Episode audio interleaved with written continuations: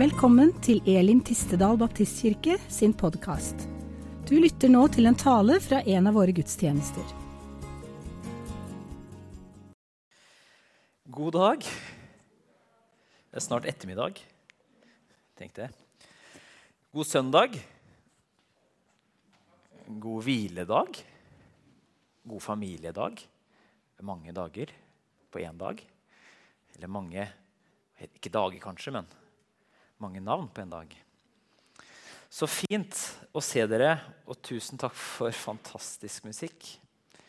Det, det er deilig å lukke øya og stå foran Guds trone. Og oppleve at du flyttes fra en materialistisk verden inn i en åndelig verden og får lov til å bare stå i nærheten av Gud og åpne hjertet sitt. Jeg, jeg, jeg vet jo hva som kommer i prekenen, men jeg har jo også opplevd at det har vært en rød tråd gjennom hele så langt. Og det var litt sterkt for meg, både å høre dere øve i dag tidlig og, og høre Yngvar. Og det Så slo det meg når vi, vi lovsynger for dette budskapet Takk for at dere går på det Gud gir. Det jeg har så stor respekt av. Dere har tillit til det Gud legger på hjertene deres, så dere går på det. Der har vi mange å lære. Og så kommer dette farshjertet fram. Eh, og for meg så var det et ord fram til man selv ble far. Og så kan man sitte og se på sine egne barn Når man, og kjenne den kjærligheten du har til dette barnet, eller disse barna.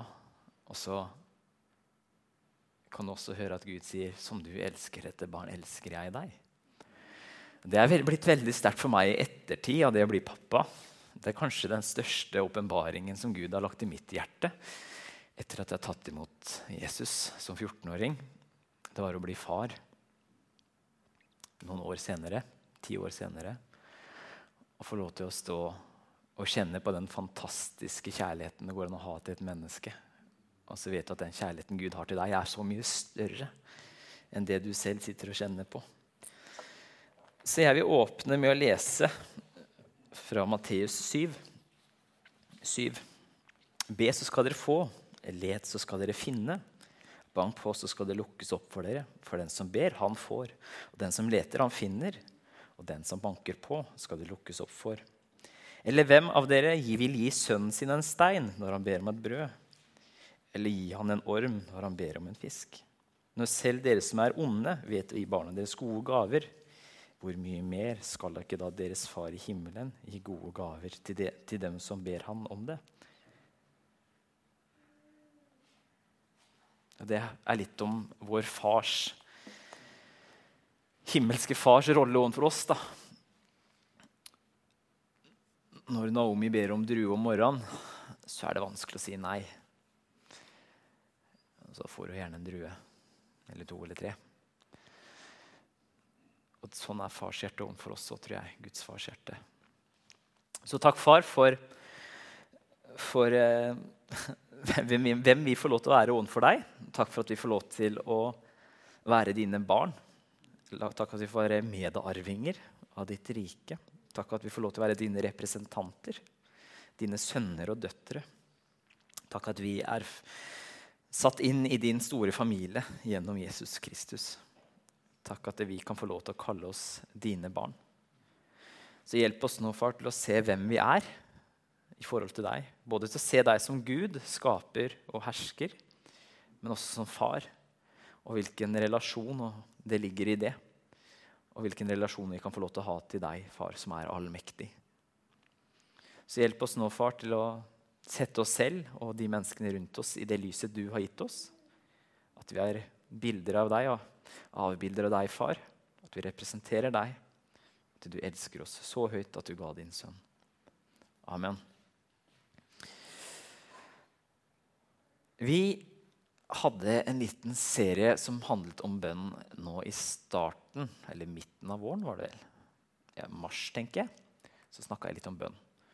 Eh, og da gikk vi litt inn på hva er bønn for noe. Eh, jeg skal ikke snakke så mye om det nå i dag. Eh, kanskje bare en kort oppsummering. Men bønn handler jo rett og slett om en samtale med med skaperen, altså han som er skapt oss, elsker oss, formet oss. Eh, og bønnen den kan jo ha mange former. Det kan være i form av lovsang, der man rett og slett går ut av sin hva skal jeg si, situasjon og tid man er i, og så gir man den tiden man står i, til Gud. Og priser Han gjennom sang og bønn.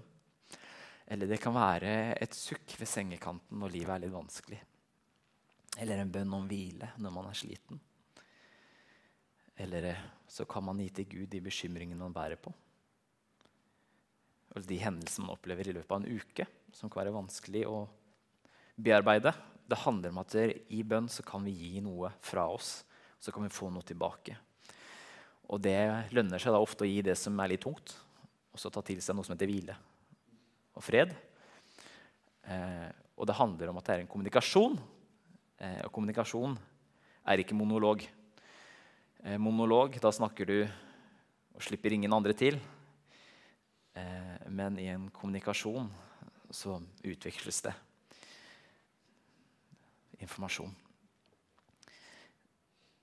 Det var det vi snakka om litt sist. Eh, og så er det som er det vakre vakre med bønn ifølge Bibelen, da, er at man må ikke bøye seg noen vei eller retning. Man må ikke Bukken ikke snu seg rundt. Altså det handler om, det er ikke noe veldig store ting som skal gjøres. Det handler rett og slett om bare rette oppmerksomheten sin mot, mot Han som har skapt himmelen og jord. I salmene så står det at alle mennesker kommer til deg. står det. Eh, og jeg hørte en eh, en soldat fortelle det at han lå i en skyttergrav en gang. Og han sa det at det, når kulene ikke fløy, så var det ingen som trodde på Gud. Men så fort det begynte å regne bomber, og, og kulene gikk over hjelmene på deg, så, så, var det ingen som nekta for at Gud fantes. Da ba alle innerst inne. Og Det handler om at vi har skapt med tomrom i oss som bare Gud kan fylle. Dette tomrommet var vi skapt av fra Edens tid der Gud skulle få lov til å ha plass. Og så valgte vi å ta det ut. Og så prøver vi å fylle det med Porscher og ja, fete biler, blomster, kjærester, hus, prosjekter. Jeg vet ikke hva. Så finner vi ut at det er egentlig bare én ting som fyller det tomrommet, og det er, det er Gud og det nærværet vi kan få av Han. Min fred gir jeg dere, sier Jesus i Johannes 14. Ikke den fred som verden kan gi. Min fred gir jeg dere.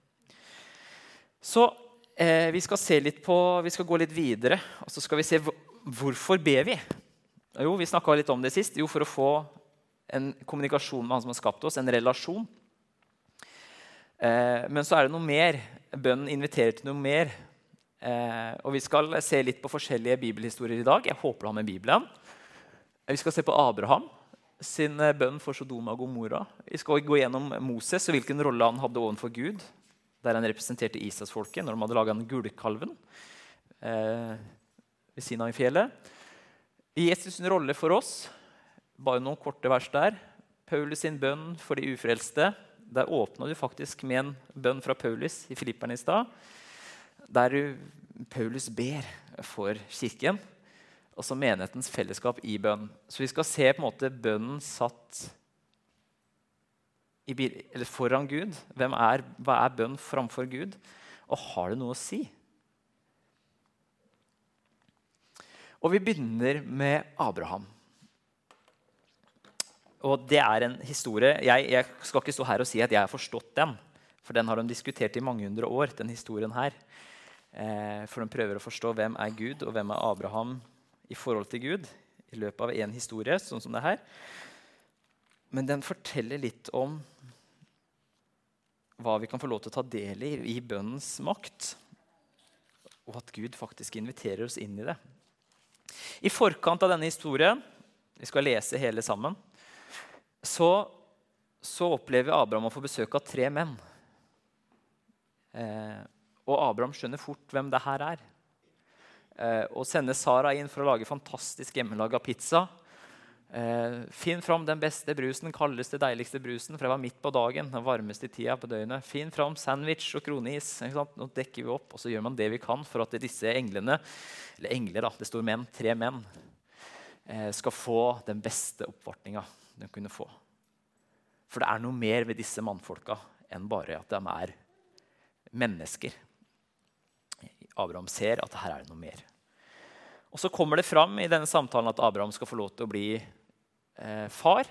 Han er jo far allerede til Ismael, men det er Sara som skal få lov til å være, bære fram dette livet. Og så ler Abraham litt, og så ler Sara litt. Og så blir det en liten sånn klein greie der mellom Sara og Gud. Blant annet. Eh, og så bryter disse mannfolka opp for å gå videre. Og det er der vi leser fra 18, eh, første Mosebok 18, eh, vers 16. Mennene brøt opp derfra og vendte blikket mot Sodoma.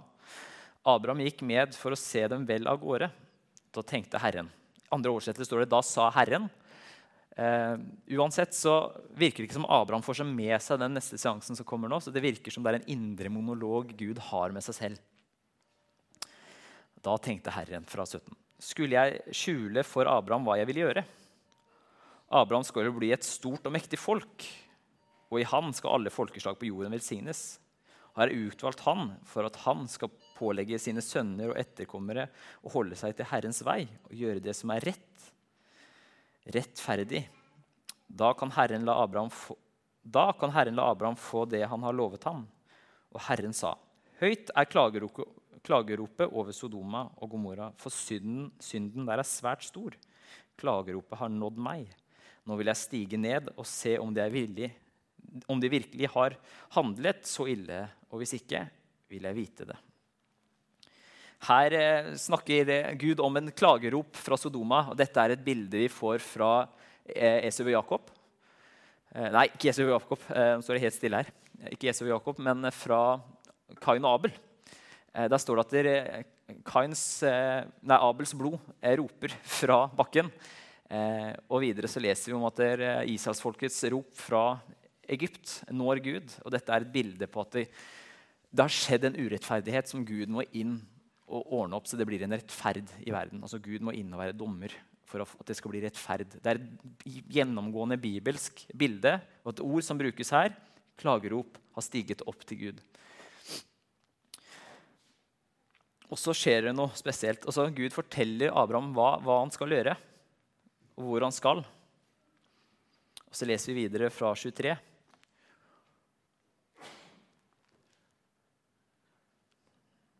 Unnskyld, 22.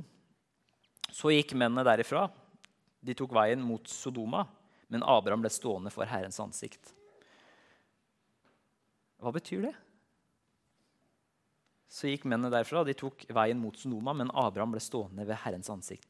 Og Hvis vi leser fra 19, bare hvis vi spretter til 19, vers 1, så står det de to englene kom til Sodoma. Nå står det at de mennene var engler. Og nå var de ikke tre, men nå var de to.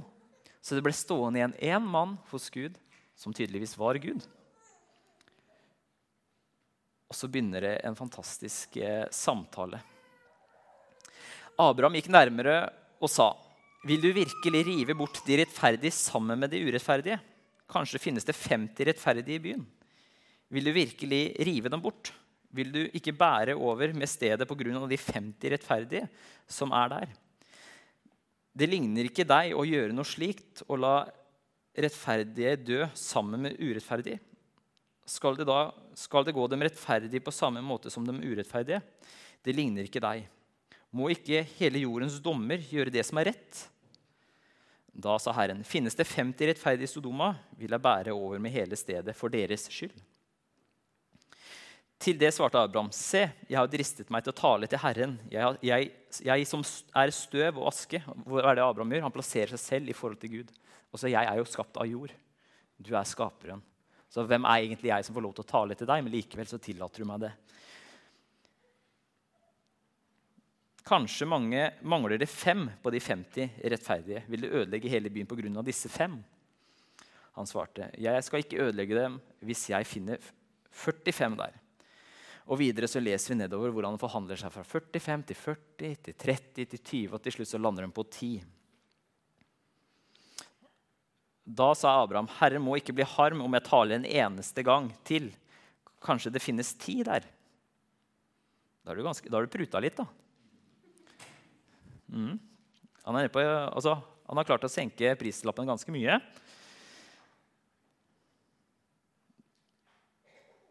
Jeg skal ikke ødelegge dem for de tids skyld, sier da Herren. Da Herren var ferdig med å tale til Abraham, gikk han, og Abraham vendte hjem. Hva betyr det her? Hva betyr det at Abraham får lov til å forhandle med Gud, da, som det ser, våre, ser, ut som i våre øyne? Det handler nok mer om at Abraham prøver å finne ut om Gud skal dømme rettferdig. Og så vet vi også at Abraham hadde en nevø der som het Lot, som bodde i Sodoma. Så Abraham sitt, sitt hjerte handla jo ikke om selve byen. Og mest sannsynlig så visste jo Abraham allerede hvordan tilstanden var i denne byen. Så det var jo i nærheten av der han holdt til. Og mest sannsynlig så forsto Abraham at her var kortene kastet allerede før han begynte å diskutere om disse 50, 45, 30, 20, 10. Men det var et lite håp om at Gud skulle redde det som var av rettferd. Og så søker han seg fram og prøver å finne ut hvor er din karakter, herr Gud. Er du nådig som du sier du er? Og så får Abraham lov til å blir kjent med Gud gjennom en diskusjon, og Gud bekrefter at han er en nådig Gud. Abrahams forbønn gir også et inntrykk av relasjonen mellom Gud og Abraham. Nå hadde Gud, nei, Abraham gått mange år med Gud allerede. Men det viser også hvilken respekt Abraham hadde for Gud. Selv om det var nær, så visste Abraham veldig godt hvem han var i forhold til Gud. Og Det er veldig viktig at vi som kristne ikke glemmer. At Gud han er allmektig. Han er Gud. Og vi er støv. Men så er vi invitert til å se på oss selv som noe mer enn støv. Så vi er på en måte oppgradert. Men likevel så er Gud Gud, og vi er menneske. Det er viktig å skille. Det er dette som er humanisme, når vi begynner å stelle oss på lik linje med Gud. At mennesket er Gud, mennesket er sentrum. Så det er veldig viktig å passe på at vi har Gud i sentrum av våre liv. Og så er vi mennesker for Gud. Og Hvis vi ser i vers 21, så, så vet Gud altså Han vet situasjonen. Allerede før i sin indre monolog, før han begynner å snakke med Abraham, så, så får vi en forståelse for at Gud vet situasjonen. Men han inviterer Abraham inn til, i bønn og samtale der Abraham får lov til å gå i forbønn for de får rettferdige som er. Og så kjenner, det som kjenner historien, så vet vi at når disse to englene da, eh, kommer til Sodoma, så, så, prøver jo alt av byens menn å forgripe seg på dem. Og det, det er jo bare ondskap som er der. Og den finner ikke ti rettferdige, men den velger å redde fire rettferdige. Lot med sin kone og sine døtre.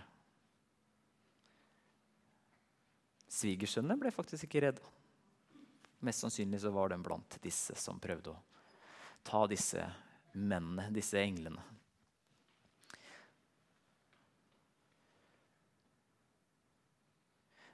Men prøvde Abraham å endre Guds mening her?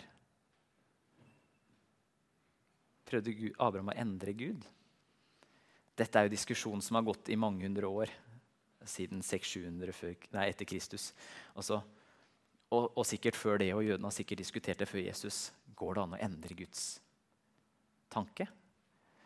Ja, Den sier ikke Bibelen noe om, men det gir et innsikt av hva bønnen kan gjøre. Jeg tror Gud inviterte Abraham inn i en samtale for å inkludere Abraham i det som skulle skje. Vi går til en annen historie. Dette er en historie som, eh, som for meg har betydd mer og mer de siste ukene. Jeg bruker litt tid i Mosebøkene. Og, og Moses og hvilken rolle han har for Gud og hvilken rolle han har for Israelsfolket, det syns jeg er utrolig spennende.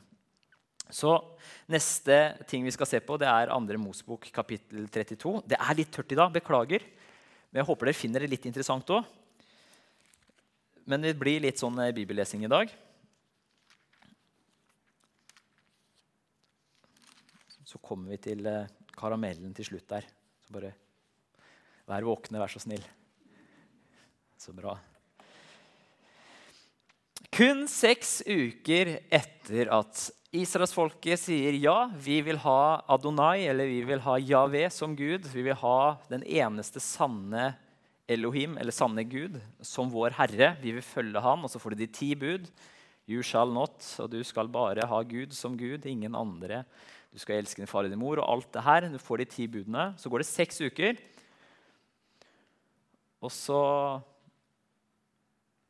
og så skiter eh, israelittfolket på leggen. Altså, de, de, gjør jo det de sa for seks uker siden de ikke skulle gjøre. Moses, Situasjonen er Moses er på fjellet.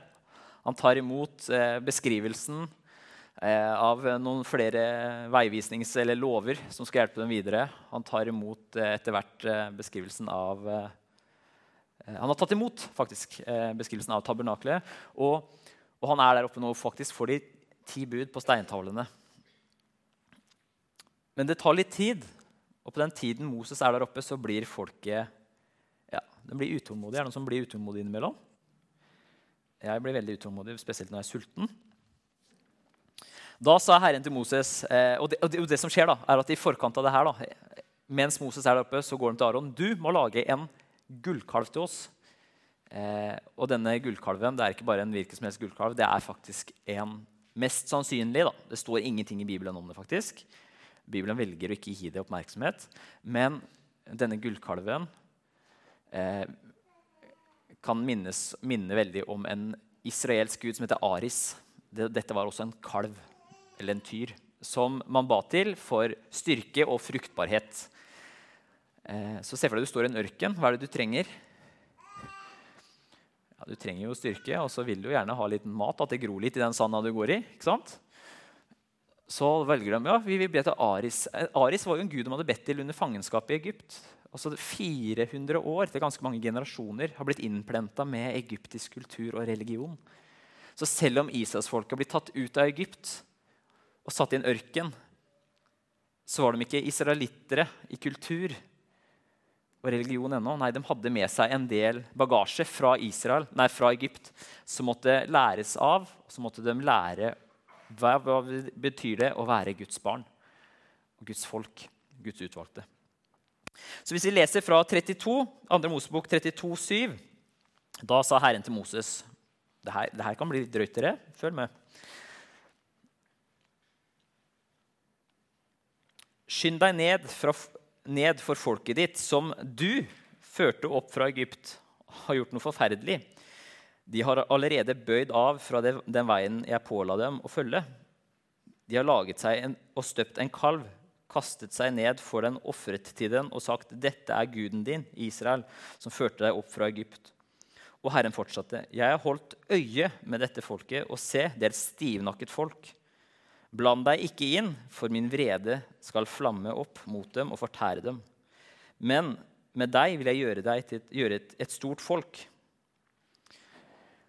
Og så kommer spørsmålet, ja, men Hvis vi leser Bibelen som en hel historie, så ser du Abraham får løfte om å bli et stort folk. Og så ser vi Jakob, og så ser du Isak, og så ser du disse tolv stammene. Ja, og så Gud utvikler jo planen sin, den blir et stort folk. Og så kommer de til dette fjellet, og så sier Gud nå skal jeg brenne alt og alle. Jeg er møkk lei. Det er litt sånn jeg er innimellom på, på noen mandager når eleven ikke gjør som jeg sier. Nå er jeg møkk lei, nå kan dere gå hjem. Nå orker jeg ikke mer. Og så vet du at det, det skjer jo ikke. Elevene går jo ikke hjem. og Jeg stiller opp i neste time likevel. Men, men, det handler litt om at Gud får altså Han blir jo sinna. Han er jo glad i folket, men samtidig så blir han jo frustrert. da. Jeg var ikke veldig tydelig. Viste jeg meg ikke veldig tydelig i noen vers tidligere? Og så sier han til Moses altså, gå ned til folket ditt, og jeg skal utslette dem, men deg vil jeg gjøre et stort folk. Så Gud han har en plan ut, og en vei ut, og han bryter ikke løftene sine faktisk med Abraham. Og man, han gjør av med israelsfolket. For Moses er jo Levis stamme som slekter tilbake. Så han kan jo begynne på nytt med, med, med, Moses. Og Gud legger nesten egentlig en plan fram for Moses. Men, men deg skal gjøre til stort folk. Altså, vi begynner på nytt. Nå orker jeg ikke med det et stivnakket folk. Jeg orker ikke den kranglinga her. Men hva er det Moses gjør, da? Og så sier han 'bland deg ikke inn, for min vrede skal flamme opp'. Det er litt sånn som når, eh, når Birte og jeg har en litt sånn dårlig dag, og vi krangler litt, så kan, eh, kan jeg eller hun si 'gå vekk'. Men så vet jo alle at det er jo verste tiden å gå vekk er jo da. Det er jo da man må sitte. Og Jeg har hørt mange teologer snakke litt om akkurat dette at Gud bruker litt den samme motsatt psykologi på Moses. Vik vekk fra meg, så jeg kan få lov til å bare gjøre det jeg har lyst til. Det her diskuteres og har vært diskutert i mange hundre år. Altså, Ville Moses altså, Er det en invitasjon til å bli, eller ville Gud egentlig at Moses skulle gå? Ja, det kan du få lov til å tygge litt på, eller ta over en kopp med te. En lang tur i parken. Og gå flere runder er ikke så lang, den parken vår. Men videre så leser vi da ba Moses om velvilje for Herren sin Guds ansikt og sa.: Herre, hvorfor skal din vrede flamme om mot folket ditt, som du har ført ut av Egypt?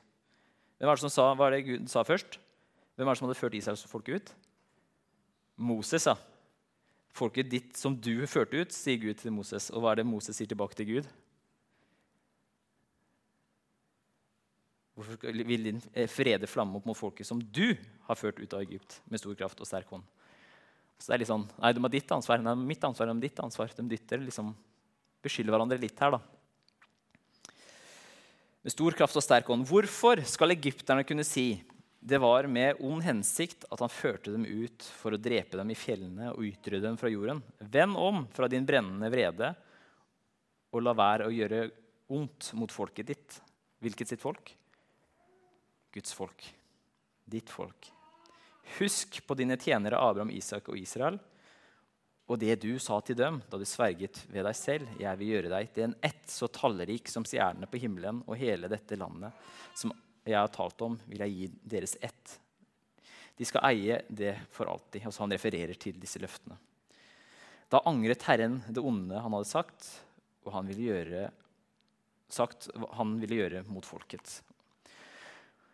Angret Gud handlingen han skulle gjøre?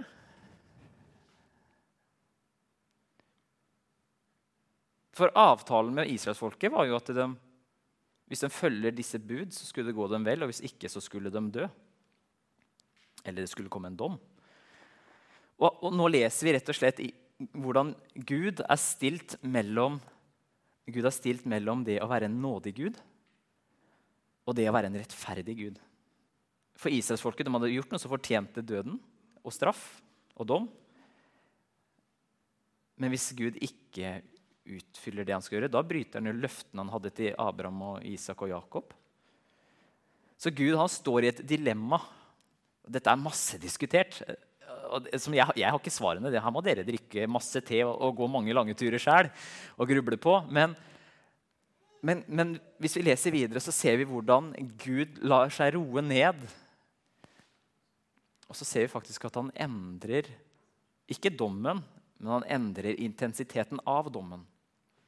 I vers 32 så leser vi at Gud lot rettferd skje. Og straffen til dem som trengte å straffes, kom. Men han tok det ned noen hakk, som gjorde at han ikke utsletta alt og alle. Selv om han hadde rett til å kunne gjøre det. Så valgte han å møte Moses sitt ønske om det, om at vise nåde, selv når Gud hadde rett til å være sint. Så Gud går Nei, Moses går i forbønn for et skyldig folk og ber om nåde. Virker, er, er, det litt kjent? At, at, noen går i forbønn for noen som er skyldig? Mm. Og så leser vi, så spretter vi bare rett opp til eh, 32,30. Dagen etter sa Moses til folket.: Dere har gjort en stor synd, men nå vil jeg gå opp til Herren Kanskje jeg kan skaffe soning for deres synd. For Moses visste at Herren han, han bryter ikke av fra sine løfter.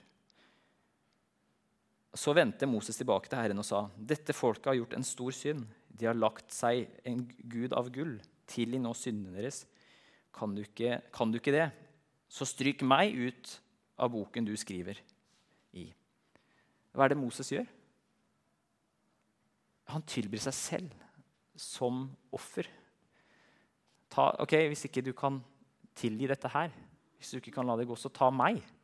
Ta mitt liv, men la dem få gå. Og Dette er en av de første Messias-bildene vi får i Gamle testamentet. Moses som Messias. Den som er villig til å la seg dø for folket sitt.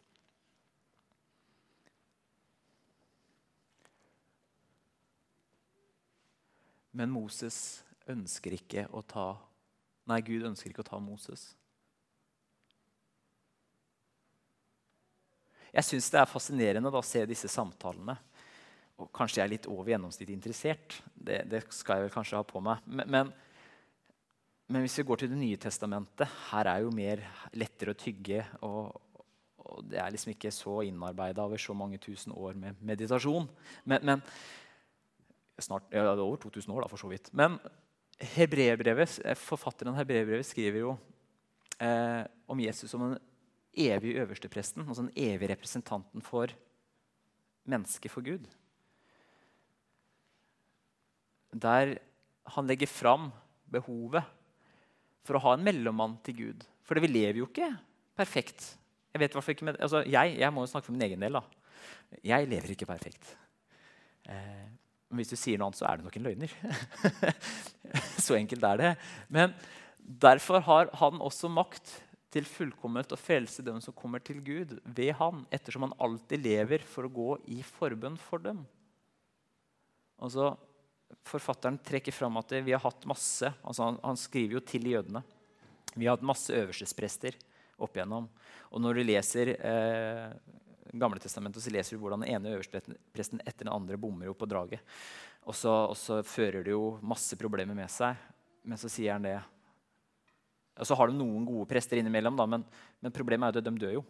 Og så kommer det en ny en som ikke er så god igjen. og så, så går det rundgang. Men så sier de men vi har Jesus. Han er den evige øverste prest. Den som alltid representerer oss.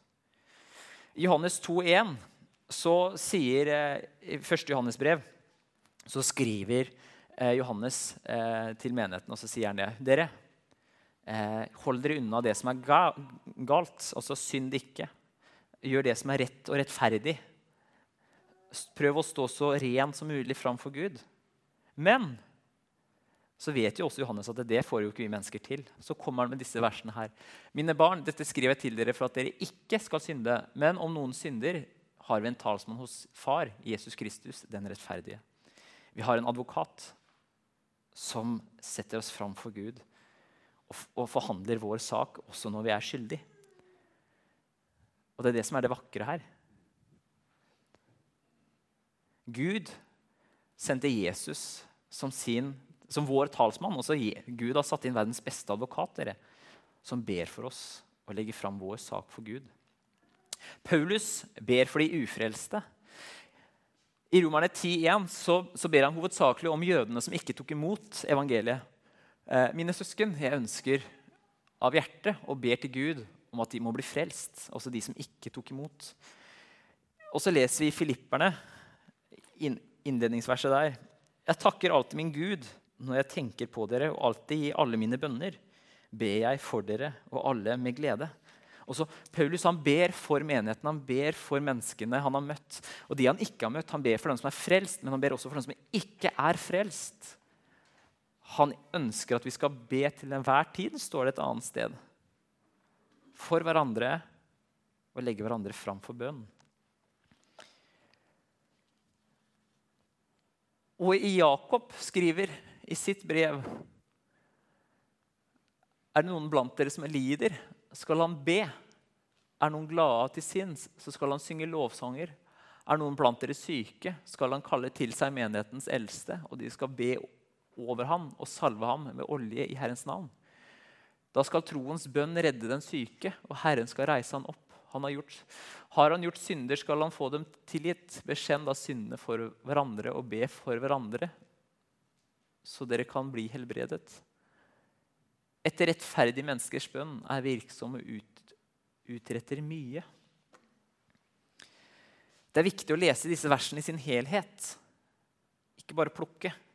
Det er derfor jeg også forteller hva som skjer i forhånd av disse versene.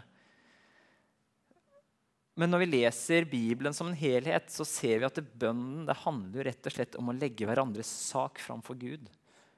Presentere hverandre.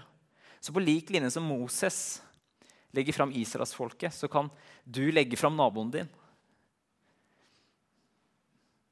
På lik linje som Abraham ber for Sodoma, så kan du legge fram byen din. Og, og, og, Så kan man diskutere seg imellom ja, men vil Gud endre mening. Vil ikke Gud endre mening? Jeg tror at det er kraft i bønn. Jeg tror det, altså. Og jeg opplever det nesten ukentlig. Hvor viktig denne bønnen er, både for hverandre, men også seg selv. Bønnen er det som inviterer oss vekk fra det materialistiske ståstedet i verden. Også når jeg sier materialistisk, så handler det om forskning. Altså alt vi kan ta på og kjenne på. Fysikken tilsier at det, ja, tid, sted, rom, altså materie Det er, liksom, det, er det som fins. Men så snakker Bibelen om en åndelig verden. Og her skjer det mye. I den åndelige verden skjer det ting vi ikke kan se. Det er noe mer mellom himmel og jord som vi som mennesker er invitert til å ta en del i. I Efeserne så leser vi om, om, om, Guds fulle rustning.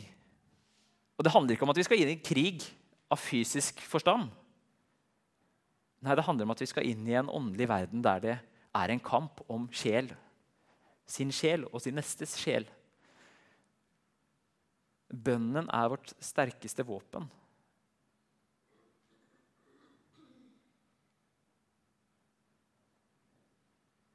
Vi leser også om at Paulus beskriver Bibelen som et sverd. Og han sikter til det romerske sverdet. Og så setter du det sammen med bønnen, så, så kan man få en forståelse av at det romerske sverdet altså Fra historisk ståsted så var ikke det et sverd du slo løst med. Det var ment å stikke.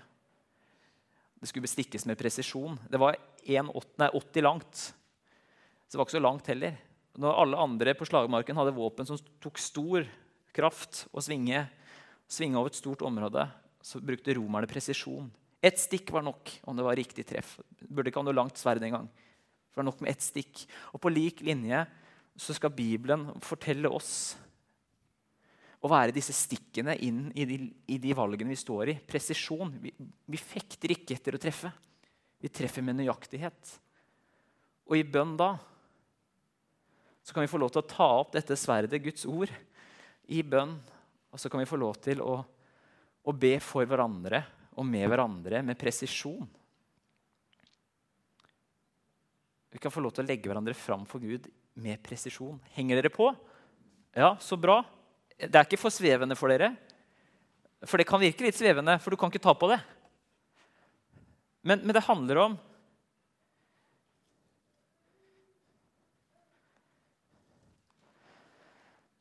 Det handler om at vi, vi ber Gud om å gripe inn i våre liv. Det er det som bønn er. Og så, Man kan snu på det. da. Bønn handler om at Gud lar oss gripe inn i hans planer, kan noen si. Ja, det, det kan også være en måte å si det på. Fader vår, du som er i himmelen, la ditt navn holdes hellig, la ditt rike komme. Det er jo bønn om at Guds rike skal komme ned til oss. Hans nærvær skal komme ned til oss. Når Jesus går rundt på jorden, så sier han jo Guds rike er nær. sier han. Så, så han, sender han disse 70 disiplene sine til å si og proklamer at Guds rike er nær. Hva snakker Gud om? Om det som kommer der framme? Nei, Han snakker om at det er noe her nå som er Guds rike. Jeg er Guds rike på jord. Og Så skjer det noe på første pinsedag som er helt fantastisk. Og hva skjer? Jo, Guds rike får, blir spredt utover alle som tror. Guds rike er her nå. Et annet sted så sier Jesus til fariseerne altså, hadde dere forstått det? Dere spør hele tida om når Guds rike skal komme, men dere ser ikke at Guds rike står midt iblant dere. Hva snakker han om? Jo, jeg står her nå. Og På lik linje er vi invitert til å bære Guds rike fram i bønn, i gjerning og i kjærlighet. Vi er ambassadører for noe større.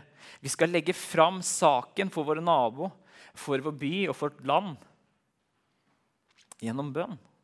For noe større. Vi har faktisk den makta har vi fått gitt til oss første pinsedag. For hver den som tror på hans navn og fylt med Den hellige ånd, han har denne autoriteten til å bære Guds rike fram. Bønn er så mye mer enn en 'Kjære Gud, takk for at jeg får, får spise meg mett i dag.' Gi meg en god natts søvn. Amen. Altså, bønn er så mye mer. Vi må tørre å ta i bruk den makta vi har fått. Jeg har hatt en veldig tung uke, det må jeg si. 17. mai det, det tok kaka. Bokstavelig talt. Det var så mye kaker, så jeg hadde så vondt i magen når jeg dro hjem den dagen. Nei, men det har vært så mye fram mot denne uka her. Så på onsdag sendte jeg en mail til Ingvar. Nei, Ingvar ringte meg. Jeg tror det var kona deres sladra litt med meg. Så spør han går det bra med deg. Ja, det er litt sliten. Og så ble vi enige om at jeg skulle ta en dag fri. Og så snakker jeg med flere av dere går inn døra her. Vi har bedt for deg, vi har bedt for deg, vi har bedt for deg, sier flere. Og da skjønner jeg at det har ikke bare blitt ved Yngvar. Det har jo spredt seg som ild i tørt gress. da. Det er bra. Takk. Takk, kjære familie. Det er godt å høre. Og så spør han sover dattera bedre. Ja, dattera sover bedre. Ja, Så bra vi har bedt for henne sant? Vi kan få lov til å legge hverandres sak framfor Gud. Jeg syns det er så spesielt når en av mine nære venner som ikke tror på Gud Han tror at Gud er i alt. I trær og steiner. Og det er fantastisk. Det er veldig diffus. Det er som å si at Gud er ingenting av det. Men, men, men som han sier, men du har noe jeg ikke har. Og du har en familie som bryr seg om deg, som ber for deg. Legg merke til ordene 'ber for deg'. Som husker på deg, og som backer deg opp. Så det handler om at du har du har, din, du har en familie, og så har du en, et helt hus med mennesker som bryr deg om deg. På lik linje. Og denne forbønnen, dere Vi må ikke glemme verdien av den. altså. Vi har en bønnegruppe her i denne menigheten som er helt fantastisk. Så jeg vet at det skjer mye bra i cellegruppene våre òg. Men vi må øke denne bønneintensiteten. Jeg var på team i Latvia og da var det noen jenter som var ute og gikk i gata der. Eh, I Prøvelena, i den byen vi var der. Og så, og så, og så møtte de på en eh, dame som hadde så vondt i ryggen. Og så spør de om vi få be for deg. Eh, nei, det fikk de ikke lov til. Men så satt hun, eh, så var greit da, men hun satte seg ved siden av henne på trappa. Da, og Så snakka hun ene med, med henne. Da, så satt hun andre ved siden av, men hun ba inni seg. da. Ja, Da legger jeg ikke hendene på henne, men jeg kan jo legge henne framfor Gud likevel. Og så plutselig så brøler du ut 'Stopp! Hva er det du gjør?' Eh, nei, 'Vi snakker sammen', sier hun som har samtale med 'Nei, nei, venninna di! Hva er det hun gjør?' Eh, 'Unnskyld, jeg, jeg, ber.' Ja, for jeg har ikke vondt i ryggen lenger. Og så liksom, skjønner hun selv hva, hva er det Stopp! Da Fortsett! Og så får de be for henne, og så forsvinner smerten i ryggen på denne eldre dama. Og så, jeg har vært med, Var du med på den turen, Katrine? Til Latvia? Nei, det var ikke det. Ren var. Ja. Og så opplevde vi at den bonden som kom, det har ikke regna på fire uker. Og det er vanskelig å være bonde når det ikke er vann.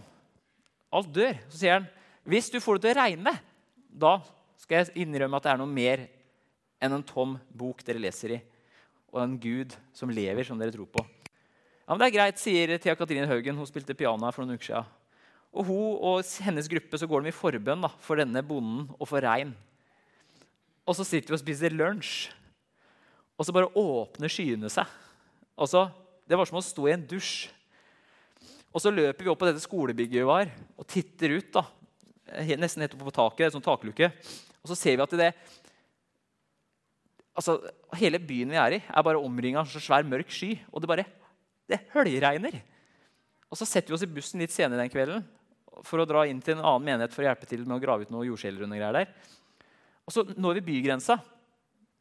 Det er tørt på andre sida av bygrensa. Og så kan du si at denne bonden, altså, Mens det regna, så kom hun jo i full fart da, til den skolen der vi kristne var. da. Spurte hvor er de kristne, hvor er de kristne? Og så kaster han seg ned. da. Får da disse damene da, som har liksom tatt imot hans bønner, vi er, og så sier han, ok, jeg tror på deres Gud. Legg, legg mitt liv for, framfor ham. Presenter meg. Altså, Det ligger noe mer i bønnen enn vi kan forstå eller bevise med forskning. Jeg elsker naturvitenskap. Altså, det er jo faget mitt. Det er jo det jeg leser. Om jeg ikke leser Bibelen, så er det jo forskningslitteratur. Og så leser jeg en fantastisk bok nå som handler om den innbilte konflikten. Er det, Har Gud blitt avvist av forskning, eller sier Bibelen at forskning er løgn? Men han mener at det her, altså de går fint sammen. Det er ikke en konflikt her. Du må, bare respektere Bibelen for hva Bibelen er, og så må du se forskningen for hva forskning er. Forskning er veldig god til å bekrefte ting man kan ta på. det materielle. Mens Bibelen er veldig god til å beskrive hva man ikke ser.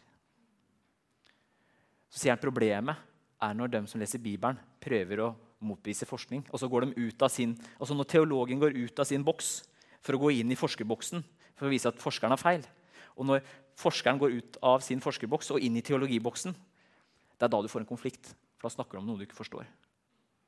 Fullt og helt. Bibelen snakker om en åndelig verden dere, som vi får lov til å ta del i.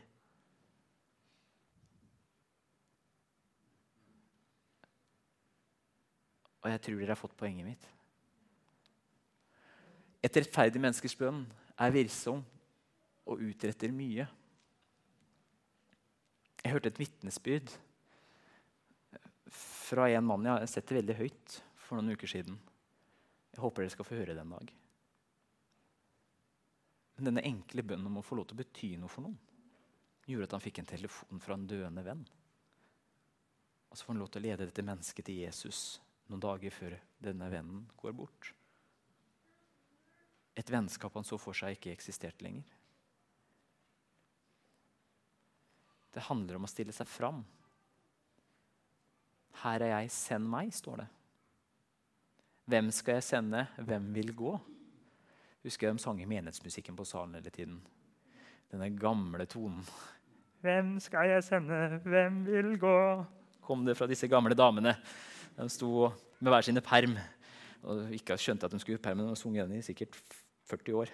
Så de kan dem fint utenat. Men, men, men, det er noe i det, og det er jo hentet fra profetene.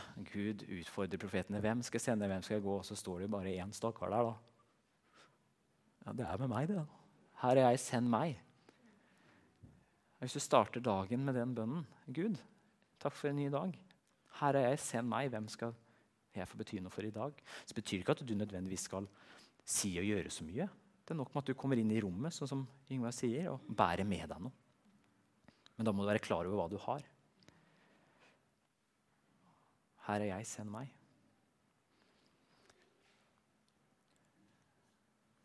Tenk på naboen din, en kollega, familiemedlem. Tør å legge dem fram i bønn, både alene på lønn lønnkammeret, men er relasjonen god, så spør godt òg.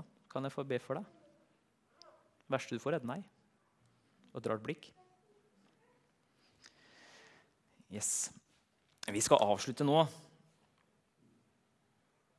Eh, men jeg håper, jeg håper, dere har lært noe. Eller i hvert fall fått noen nye tanker. Det her er sikkert hørt før, men minna på det det tror jeg kan være litt viktig. Og det å bearbeide sånn som det her. Jeg tror at vår bønn påvirker Gud i den forstand at vi kan se ting skje i våre liv. Og det å be om at Guds rike griper inn i våre liv, det er i hvert fall det jeg ønsker for mitt liv. da. Ønsket om et himmelsk inngrep i en ellers materialistisk verden. Kjære far, takk for at du du har gitt oss noe så mye bedre enn et tempel. Enn et sted vi må fysisk gå for å legge fram våre behov for deg. Takk for at vi slipper å gå til noe klagemur eller til noe klippemoské eller noe alterfar.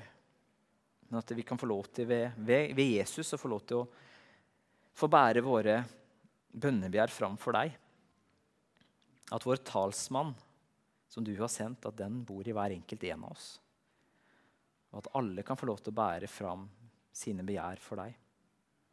Jeg ber, far, for, for menigheten her. Hjelp oss til å legge hverandre fram for deg, far. Minne deg om oss og våre venner og familie og menighet.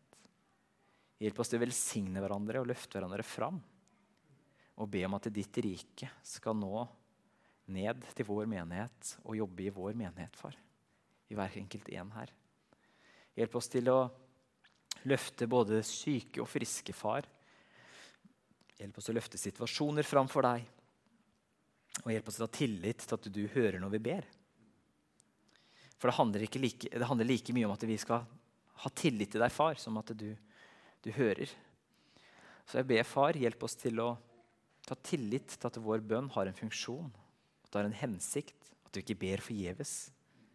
Hjelp oss til å ta opp denne fantastiske gaven du har gitt oss, denne bønnen. Og hjelp oss til å forstå at det handler ikke om fine ord, men det handler om et hjerte og hvilken vei det er vendt. Så Jesu navn, far, velsign menigheten her. Velsign bønnelivet oss imellom.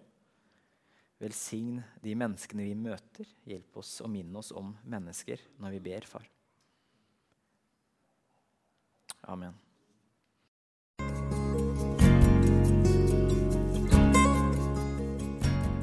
Takk for at du lyttet til denne talen. Håper du ble inspirert. Ønsker du å vite mer om hvem vi er og hva vi gjør? Sjekk ut vår hjemmeside elintistedal.no.